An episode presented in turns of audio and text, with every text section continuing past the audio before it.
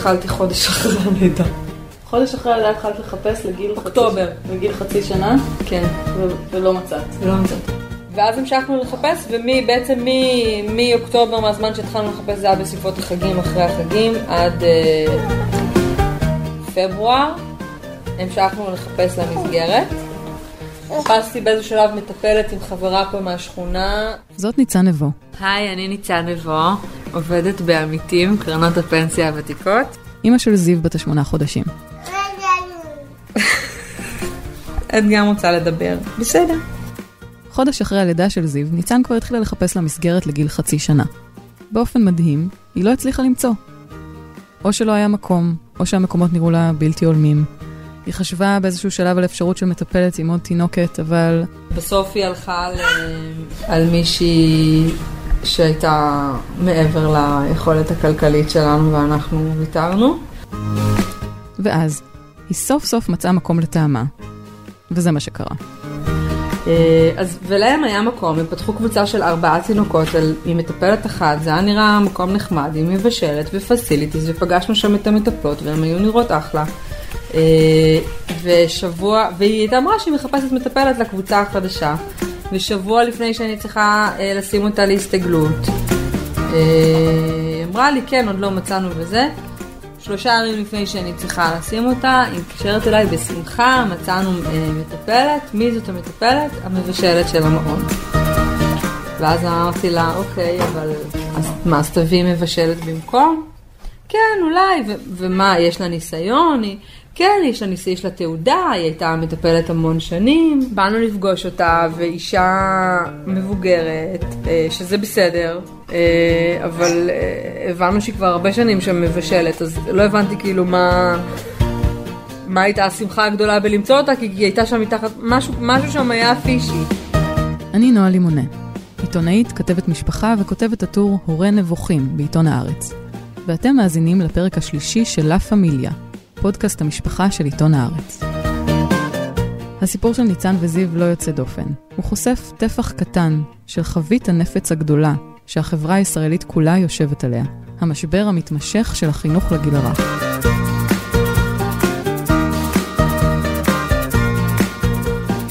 הרגשתי שמרחו אותי לאורך כל הז- הזמן הזה, ובאותו רגע הבנתי את זה סופית.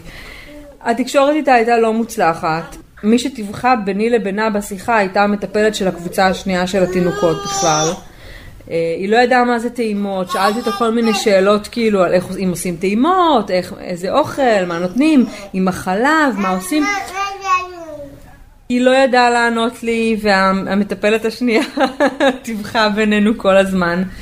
אה, היא דיברה לא ברור. עכשיו, אני, הייתה התחושה שלי באותו רגע, אמרתי, אוקיי, נכון, זיו לא מדברת עדיין, היא, היא בעיקר צריכה חום ואהבה, אבל אני צריכה עוד דברים מה, ממי שמטפל בבת שלי, לא רק חום ואהבה. אה, אני צריכה לדעת שיש לי מי לדבר, ואני צריכה לדעת שאני יכולה לסמוך עליו, ואני צריכה אה, אה, לתקשר איתו בצורה נוחה. והיא גם אמרה, היא, היא הולכת מוקדם, אז אמרתי, אז מה קורה אחר כך? אז היא אמרה, אולי אני, המנהלת של המעון, אולי אני אהיה, אולי אחת המטפלות האחרות. ושאלתי את המנהלת, המנהלת לא הייתה שם, כשפגשנו אותה, שאלתי אותה, זה סופי ההחלטה שלך? היא אמרה לי, אולי לא, אולי אני אפגוש עוד מישהי, אבל אני כאילו במאניטיים של הזה. אמרתי, אני לא מכניסה אותה ככה, כפרות על הדמי הרשמה. התקשרתי ל... לבעלת המשפחתון, שאלתי אם עדיין יש לה מקום, והיא התחילה להתמלא, אז מזל ש... אז בסוף היה מקום. ו... ושמתי אותה, באמת שמתי אותה כאילו ברגע האחרון, זה היה כאילו, איך קבענו לעשות את זה יומיים לפני שהייתי צריכה לחזור לעבודה, ו... ובמזל אה, זיו נקלטה שם טוב וזה התגלה כמקום מדהים בשבילה, ו... אבל באותה מידה כאילו זה היה, זה לא, אני כבר לא ידעתי מה אני עושה. ניצן גרה בשכונה מלאה בזוגות צעירים עם ילדים, ועדיין היה לה כל כך קשה למצוא מעון בשביל זיו הקטנה. לפני חמש שנים, כשחיפשתי פעוטון בשביל הבן שלי, הייתה לי חוויה מאוד דומה. ביקרתי ב-15 גנים עד שמצאתי מקום שהיה נראה לי ראוי. המעונות היו עמוסים בילדים, עם מעט אנשי צוות, מלוכלכים, הרבה מהם נראו כמו מחסנים יותר מאשר גני ילדים. ואנחנו מדברים על מרכז תל אביב, כן? שאלתי את עצמי, מה הסטנדרטים שמאפשרים פתיחת מעון יום בישראל? האם יש כאלה בכלל? אה, אני רואה את אה, עיקר הבעיה בחינוך לגיל הרך, בזה שהחינוך לגיל הרך בסופו של דבר במדינה מגילאי לידה עד שלוש הוא חינוך פיראטי ברמה כזו או אחרת. זאת ציפי ברנד, סגנית ראש העיר תל אביב, ואחראית על כל תחום החינוך לגיל הרך בעירייה. זאת אומרת שאין הסדרה שלו, לא ברור מה ילד מקבל בגן ילדים והכל נתון לשיקול דעתה או לטיבה של הגננת או המורה או הסייעת או המטפלת. זאת אומרת, לא ברור שצריכה להיות נגיד אה, איזשהם אבני דרך של תקינות, של התפתחות שפה, של התפתחות מוטוריקה. באה גננת, אה, פותחת גן, והיא תחליט בעצם מה, מה הם אבני הדרך שלה, או במקרה הטוב, זאת אומרת, או מה החינוך שהיא תיתן לילדים. אין, אין, אין, אין שום סטנדרטיזציה של המדינה. מהמקום של מי הבן אדם שיכול לפתוח גן ילדים, כמה אנשי צוות צריכים להיות בגן, איזו הכשרה צריכה להיות לאנשי הצוות האלה, איזה תעודות צריכים להיות להם, אה, מה השכר שהם יקבלו על מנת לקבל, לקבל אנשי צוות אה, בעלי רמה או הכשרה או חינוך מסוים, כמה ילדים צריכים להיות, מה גודל כיתת הגן, מה המשמעות של ארוחת הצהריים, האם זה קייטרינג מבחוץ לילדים בני שנתיים, האם זה מטבח מבשל בתוך הגן עצמו, איזה חפצים צריכים להיות, האם צריכה להיות חצר.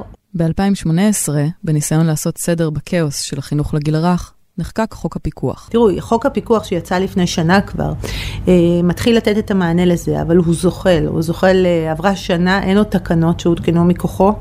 גם uh, עוד לפני הקורונה, זאת אומרת עדיין אין תקנות ומה שכרגע חוק הפיקוח בעצם דורש הוא שלושה דברים מאוד בסיסיים, uh, מאוד מאוד אלמנטריים. וגם, את יודעת, העזרה הראשונה, ההתנהלות תקינה, של גני הילדים ורישום, וגם את יכולה לראות שאני יודעת על הרבה מאוד, על מאות מסגרות שבכלל לא נרשמו לפי חוק הפיקוח. זאת אומרת, יש uh, עשרות או... שנרשמו, ויש הרבה מאוד שנמצאות שם בחוץ, מסגרות שלא נרשמו לפי חוק הפיקוח, שאין להם בכלל אפילו, שאין לנו אפילו ידיעה ברורה לגבי קיומם או אי קיומם של המסגרות האלה. אני חושבת שצריך uh, להתחיל ממשהו וצריך להזדרז גם עם חוק הפיקוח אפרופו. כרגע אין אה, סנקציות, כרגע אין אכיפה, כרגע אין תקנות אפילו מכוח חוק ופיקוח. אמורות להיות סנקציות מכוח החוק. לא רק זה, גם אין אכיפה, אתם יודעים, היה דבר מדהים, היה בוועדת העבודה, אה, דיבר אה, האחראי על מעונות היום מטעם משרד העבודה והרווחה, והוא אמר, אין לי אפילו, אתה יודע, גם אם החוק נכנס לתוקף, וגם אם יש לי כבר בכל הארץ, בכל זאת כמה מאות, ונגיד כמה עשרות בתל אביב, עדיין אין לי בכלל את הפקחים, את האוכפים, זאת אומרת, המדינה עוד בכלל לא נתנה את, ה, את הכלים בשביל לבוא ולקבע איזושהי סטנדרטיזציה של חוק הפיקוח, שהוא כל כך אלמנטרי עוד אפילו בהיעדרם של תקנות. אז חוק הפיקוח לא מכסה את כל המעונות הקיימים, כי רובם לא נרשמו תחתיו. גם אין לו כל משמעות של אכיפה בשלב זה, משום שאין לו תקנות ואין לו פקחים. ובנוסף, חוק הפיקוח לא מכסה את כל מה שצריך לפקח עליו כדי להבטיח את שלומם של הילדים. אחד הקריטריונים החשובים ביותר הוא היחס בין מספר התינוקות למספר אנשי הצוות. פרופסור אבי שגיא שוורץ מאוניברסיטת חיפה הוא מייסד המרכז לחקר התפתחות הילד, ועומד בראש תוכנית בינלאומית לתואר שני בהתפתחות הילד לארצות מתפתחות. הוא מסביר היטב את הפער בין התקן הבינלאומי לזה הישראלי, בכל הנוגע ליחס בין מספר המטפלות למספר התינוקות. נכון להיום, המסגרות שישנן הן מסגרות עם תקינה לא ראויה. בישראל, על פי התקן של אגף מעונות היום, מותר להכניס 15 תינוקות, כשהיחס הוא 1 ל-6, 1 ל-6 וחצי. אם אנחנו הולכים לקבוצת הגיל הבאה, שמבחינתי, אמנם קוראים להם כאן פעוטות, אבל לעניות דעתי הם עדיין תינוקות, מגיל 16 חודש עד 24 חודש. מדובר בתינוקות שרובם, אם לא כולם, עדיין לא גמולים וזקוקים להרבה טיפול. אז אה, התקינה הבינלאומית מדברת על גודל קבוצה של שישה, מקסימום שמונה, בישראל 22. כשהיחס וואו. המספרי אה, צריך להיות 1 ל-3, 1 ל-4, כשהאגף מאפשר 1 ל-9. אם נלך לקבוצה השלישית, שהיא בין שנתיים לשלוש, האגף מאפשר 27 פעוטות, כשהתקינה הבינלאומית מדברת על שמונה. אז צריך להיות פיקוח על מספר הילדים בקבוצה ועל היחס בין מספר הילדים למספר המטפלות, אבל זה לא מספיק. צריך גם להיות פיקוח על זהות המטפלות והכשרתן. וכמובן, בצד זה יש בעיה של הכשרת המטפלות. אה, הן מטפלות, ואנחנו מעדיפים לקרוא להן מטפלות מחנכות. אנחנו יודעים שמעמדן הוא מאוד מאוד נמוך, השכר שלהן מאוד מאוד לא טוב, ההכשרה שלהן מאוד מאוד מינימלית, אם בכלל, וזה מציב אתגר מאוד מאוד אה, מורכב. אז המצב האידיאלי הוא שיהיו פחות ילדים בכל קבוצה ויותר אנשי צוות. אבל האם זה בכלל ריאלי? פנינו למאיה לן, מנהלת גן וונדר בתל אביב, ולדוקטור נעמה צורן, פסיכולוגית, יועצת למערכות חינוכיות ונציגת גישת רדיו אמיליה בישראל. אני שמעתי בשבועות האחרונים המון הערות על זה שיש פה יותר מדי ילדים, אי אפשר לשים אה, ילדים את אותה הכמות אה, ילדים בכיתות כמו בנורבגיה ודנמרק וכולי. וזה נורא מעניין, כי כשחושבים על זה, רוב המבוגרים עובדים בבניינים יותר גדולים מגנים, בקבוצות יותר קטנות מגנים. ויש יותר מבוגרים מילדים. ואני חושבת שזה פשוט לא נכון, אני חושבת שזו אה, תפיסה שקשורה ישירות לבדיוק הדבר שעליו אנחנו מדברים, שזה הראייה שלנו של הכבוד לילד. התפיסה בארץ היא שאנחנו צריכים לשעשע את הילדים. ולמעשה גננת ש, אה, או מטפלת אה, שלא קופצת ומשעשעת, ו, או במקרה של נעמה, את, המילה ששמעתי זה, בראש שלי זה, את מציקה לו, אה, אז, אז היא לא, בעצם היא לא גננת טובה. וכרגע הסטנדרטים בארץ הם חום ואהבה. חום ואהבה זה דבר מאוד ברור, אבל זה צריך להיות ל-100% מהמטפלים, מה מעבר? הדבר הראשון זה התחום הרגשי-חברתי. זאת אומרת, התהליכים הראשונים של אה, התקשרות, הבנה בסיסית ראשונית, האם לתת אמון בעולם הזה, זה קורה בחודשים הראשונים. אז אנחנו צריכים מבוגרים שיהיו שם, אה, אנשי החינוך, נשות החינוך, שאחד, אה, יהיה להם את הידע הזה, כן. הכלים האלה. אני אגיד לך את התשוקה להיות עם, עם תינוקות ולראות אותם כיכולים. ואם אני יודעת ששלושת השנים הראשונות הן קריטיות להתפתחות, וספציפית בתחום הרגשי-חברתי, mm-hmm. כי בעצם בסיס הזהות אה, מתפתח בשנים האלה. אחר כך כמובן מתרחב ו... ומקבל עוד זוויות וצבעים וחוויות וכולי, אבל הליבה של הזהות של המי אני זה לידה שלוש. כן. אה, הייתי מצפה ממדינה בסטטוס שלנו להוביל את הדרך בחינוך לגיל הרך. אה, ו-0 עד 3 אה, ספציפית. אה, אחת הסיבות שאני, יש לי המון תשוקה לגיל הזה ספציפית, זה פשוט כיוון שזו התקופה שהמוח מתפתח, זו תקופה מאוד מאוד מאוד קריטית להתפתחות המוח. אז נשות החינוך אומרות שאותו חלק בחינוך הילדים שהמדינה לא מפקחת עליו, גילאי לידה עד שלוש, אלה הגילאים הכי חשובים מבחינת התפתחות המוח. פנינו לפרופסור איתי ברגר, נוירולוג ילדים, מנהל השירות לנוירולוגיה של הילד בבית החולים אסותא באשדוד, ולדוקטור ציפי הורוביץ קראוס, ראש המרכז לדימות מוחי בילדים בטכניון, והמנהלת האקדמית של המרכז לחקר האוריינות והקריאה בבית החולים לילדים בסינסנטי, אוהיו, ארצות הברית.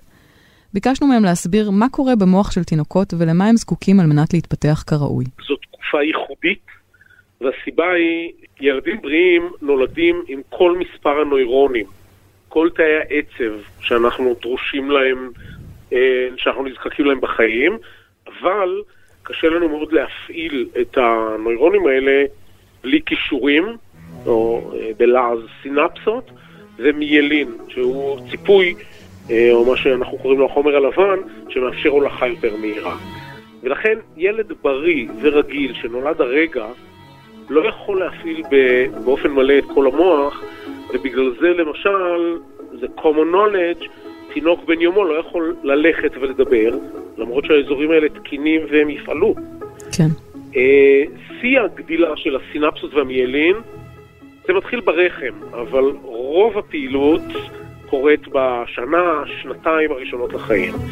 זה אומר שתוך שנתיים, ילד שוב, בריא וממוצע, אה, נפח המוח שלו יגדל לנפח של כמעט שלושת רבעי מנפח המוח הבוגר. וזה קורה בעיקר ממיילין ומסינפסות, כי אנחנו לא מוסיפים אפילו תא אחד. בעצם, כל מה שאנחנו חווים ומפיקים מהמוח בשלבים, כל החיים, אבל במיוחד בשלבים האלה, משאיר את רישומו, ליטרלי, משאיר את רישומו במוח. זה אומר שאם אה, ימנעו ממני גירוי ראייה, אז אה, אזור הראייה לא יתפתח כמו שצריך. אותו דבר שמיעה, אותו דבר שפה, כך שבפשטות חשיפה לגירויים מעשירים בגיל הצעיר קובעת ממש את מבנה המוח ואת הנפח בהמשך. וואו, עכשיו כשאתה אומר גירויים מעשירים, אתה מתכוון לאוניברסיטות למיניהם וכל לא. מיני מצלצלים ומרשרשים? לא, לא, לא. לא. אני מתכוון לסביבה נורמטיבית. מה זאת אומרת? לסביבה מעשירה בעין שהיא קודם כל תקשורתית, וכשילד בוכה אז מגיבים אליו, וכשילד, אה, כאילו נענים לצרכיו, וגם מעמידים גבולות, בסדר? כן. אה, שמד... ילד שמדברים איתו, ילד שכמובן מזינים אותו ושומרים עליו אה, ודואגים גם לתנאים הפיזיים, אוכל טוב, אה, חימום, וכן הלאה וכן הלאה. זה, אני אלך רגע לקיצוניות, כי קל, קל יותר להדגים את זה ככה. אנחנו כן. יודעים, ש, אנחנו יודעים שילדים שגדלים בסביבה מקפחת בקוף, סביבה, סביבה מזניחה, זה משפיע על נפח המוח שלהם בצורה משמעותית. על יכולות שאחר כך יקבעו יכולות זיכרון ולמידה והתנהגות והתייחסות בין אישית וזוגיות ובלי סוף דברים אחרים. מוח של ילד בן שנה אה, הוא פעיל באופן שונה ממוח אה, של ילדים אה, גדולים יותר, או מהמוח של עצמו, שלו עצמו, לאורך ההתפתחות. אנחנו יודעים שלפי לפי, אה, מה שאנחנו יודעים על התפתחות, מערכת הראייה ובכלל המערכת הסנסורית, התחושתית של, ה, של התינוק, הת- המוח של התינוק לא מסוגל לעבד יותר מדי גירויים בו זמנית. כן, זה, זה משהו שהוא, שהוא מסיח ואולי אפילו מאיים. ולכן הגירויים שניתנים לתינוק צריכים להיות גירוי בודד בכל פעם, לא יותר מדי מרעיש, לא יותר מדי מאיר. הגירוי המותאם בגילאים האלה, זאת אומרת, לא יותר מדי ולא יותר מדי גירויים שלא מתאימים, שהם ככה מעבירים את הקשב בכל רגע נתון למקום אחר, וזה, כי זה מציף, מציף את המערכת. אבל אי גירויים, הם, אה, הם יכולים להשפיע גם כן לרעה. ההתפתחויות המדעיות של השנים האחרונות מאפשרות לנו לדעת בדיוק מה תינוקות צריכים על מנת להתפתח כראוי. הבעיה היא שרוב מעונות היום לא מספקים להם את זה. הסיבה לכך היא שמדינת ישראל כנראה לא כל כך מעודכנת לגבי המדע. מדינת ישראל, בחינוך בכלל ובגיל הרך בפרט, עדיין חיה בתרבות של שנות הקמת המדינה. אה, כל הקדמה שיש לנו בתחומים אחרים, משום מה, בחינוך זה לא קורה. אז אם בתחילת שנות ה-50 החליטו שנשים צריכות לעבוד, צריך פתרון לילדים, והקימו מקומות של פתרון. לא הקימו מקומות של חינוך, של יצירת תרבות. יש כאן מקום לאזרחים ואזרחיות. אז הפתרונות לגיל הרך היו בעצם סידורי שמרטפות. זאת הסיבה שבגללה המשרד שאחראי על גילי לידה עד שלוש הוא משרד הרווחה והעבודה ולא משרד החינוך. מגיל שלוש והלאה מדובר כבר באחריות של משרד החינוך. הפיצול הזה מזיק ומשרד הרווחה לא יכול לטפל בתחום חינוכי. הצעד הראשון לשינוי צריך להיות העברה של הגילים האלה לאחריות משרד החינוך. זה מחזיר אותנו להיסטוריה של מערכת מעונות היום בישראל, שהתחילה אי שם ב... ליד קום המדינה, בעצם עם סוג של סידור של שמרטפות, סוג של שמרטפות קולקטיבית, כשהילד לא היה במרכז, לא הייתה אסטרטגיה שלוקחת בחשבון את הילד, ובעצם עד היום הזה זה לא ממש הפך להיות חלק מתוכנית לאומית. אבל זו ההיסטוריה, אנחנו בהווה. למה המצב הזה לא משתנה? לאורך השנים נעשו ונעשים עדיין ניסיונות לרפורמה בתחום, אבל בינתיים הם לא הגיעו לידי מימוש. ב-2011 למשל נכתב מסמך, יחד עם פרופסור מרים רוזנטל, שהייתה אז ראש החוג לעבודה סוציאלית באוניברסיטה העברית בירושלים, עם תנאים שמקרבים אותנו לעולם המערבי. אבל תשע שנים זה שוכב בקלסרים. ולא קרה עם זה כלום. כלום, וכל כמה שנים, עכשיו נקים ועדה שתכתוב מסמך. אין צורך להקים ועדה עכשיו. המסמך קיים, פשוט צריך להוציא אותו מהקלסר. המסמך האחרון נכתב על ידי פרופסור מנואל טרכטנברג, שקורא לרפורמה בחינוך לגיל הרך ולהיפוך הפירמידה, כך שרוב ההשקעה של המדינה תהיה בשנים הראשונות לחיים ולא מאוחר יותר. השקעה כזו, הוא אומר, גם תתרום לשוויון החברתי וגם תחסוך למדינה מיליוני שקלים בהמשך הדרך. אדם בשם פרופסור ג'יימס הקמן, שבשנת 2000 קיבל פרס נובל בכלכלה, כן? והוא מדבר על השקעה בגיל הרך, סופר חשוב מבחינה לאומית, וזה צריך לקרות לא רק בגיל הרך עוד לפני הלידה, ישנה מה שנקרא עקומת הקמן על שמו, והוא מראה השקעה חכמה, שבעצם ההשקעה החכמה הזאת היא עושה את החיסכון הכי גדול בהוצאה הציבורית, אחר כך כתוצאה מאי השקעה, והיא גם מביאה לתשואה לאומית הכי הכי גבוהה שיכולה להיות. גם בסדרת מחקרים, יותר מהפן, הייתי קורא לזה, הפסיכולוגי, חינוכי, כלכלי, שמחברים את הדיסציפלינות ביחד. אה, הקמן ואחרים, בבנק העולמי ובבנקים מרכזיים אחרים. באחד המחקרים הללו, שנעשה בתחילת שנות ה-70 בארצות הברית, לקחו קבוצה של תינוקות ופעוטות מחתך סוציו-אקונומי נמוך. לחצי מהם העניקו חינוך איכותי עד גיל חמש, והחצי השני שימש קבוצת ביקורת. החוקרים עקבו אחרי התפתחות הילדים במשך שנים, עד גיל 35, והממצאים היו מובהקים.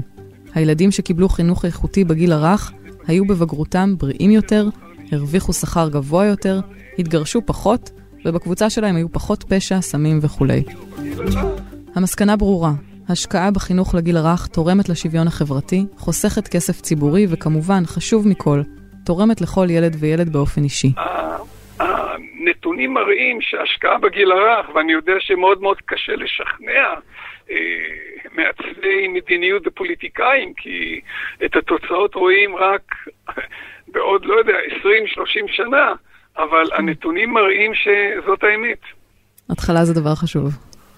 הריק החוקי בשנים הקריטיות, מגיל לידה ועד גיל שלוש, מתפוצץ לחברה הישראלית בפנים, כל פעם שמתגלה עוד מקרה התעללות והזנחה בפעוטונים. האסונות האלה הם מקרי קצה של תחום חולה. בכל פעם שפרשה כזו מתפוצצת, יש רעש תקשורתי וכמה זעקה ציבורית, אבל אז הסערה שוכחת, ולא קורה שום שינוי, מלבד התקנת מצלמות בגנים. אבל התקנת מצלמות לא תמנע את האסון הבא, כפי שלא מנעה את הקודמים. מה שאנחנו באמת צריכים, זו מהפכה. אז זה הכל היום, תודה שהאזנתם. הפודקאסט לה פמיליה של עיתון הארץ הוקלט ונערך על ידי אמיר פקטור, שגם הפיק יחד עם שני כהן. בשבוע הבא תהיה כאן נטע אחיטוב. בינתיים, חג שמח.